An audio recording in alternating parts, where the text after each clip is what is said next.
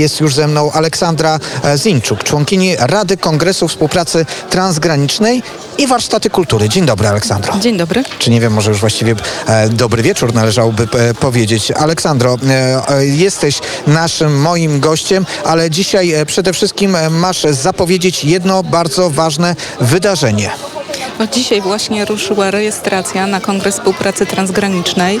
Już właściwie od 10 lat kongres e, pod różnymi nazwami, który się tutaj e, odbywa, odbywa się w Lublinie i jest e, ważnym miejscem spotkań praktyków, samorządowców, ludzi kultury, pasjonatów z różnych obszarów tak naprawdę i nauki, i kultury, i, i polityki.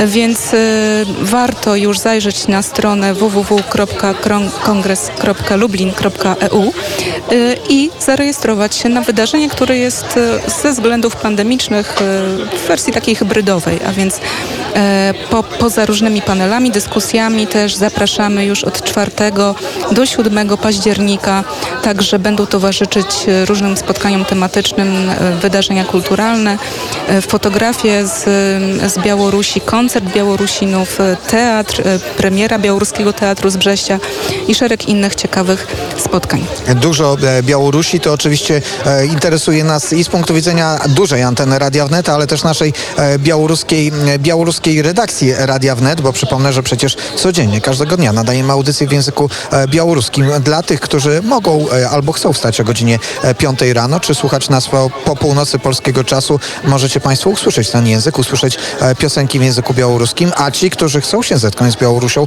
no cóż, no to jest szansa, żeby zapisać się teraz jeszcze na e, Kongres Współpracy Transgranicznej, do czego zachęca Aleksandra Zinczuk. Aleksandro, ale wspomniałem też, że jesteś e, i członkinią Rady, Rady Kongresu, ale e, też pracujesz w warsztatach kultury. Opowiadaliśmy o tym w programie wschodnim.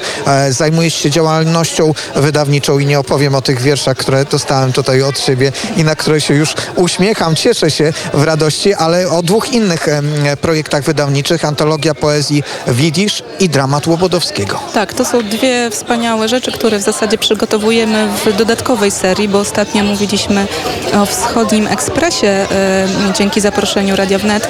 Dzisiaj parę słów o serii Zakotwiczone, którą otworzy pierwsza polska antologia i tłumaczenia e, zbioru z kilku tomów e, Jakuba Glecztejna, poety urodzonego tutaj e, mm, 125 lat temu w Lublinie, 50 lat temu zmarł w Nowym Jorku, tam się przeniósł w 14 roku.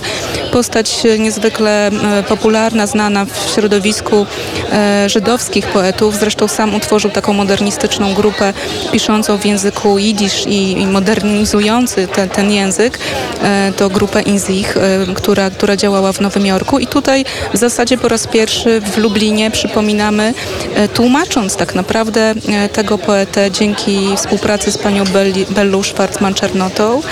E, A druga rzecz też niezwykle ważna i myślę taka dla, dla kultury, dla historii tego Lublina i w tym kontekście wielokulturowej e, e, naszej spuścizny, to jest postać Józefa Łobodowskiego, który też wiele robił dla tłumaczenia wschodu nam.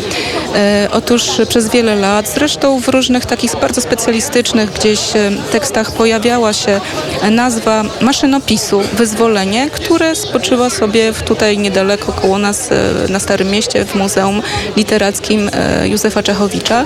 Wzięliśmy na warsztat tenże dramat, który powstał w takim ciekawym czasie, a więc e, około 33 roku, gdzieś kiedy Łobodowski e, po zobaczeniu wielkiego głodu na Ukrainie zmienił swoje, swoje myślenie.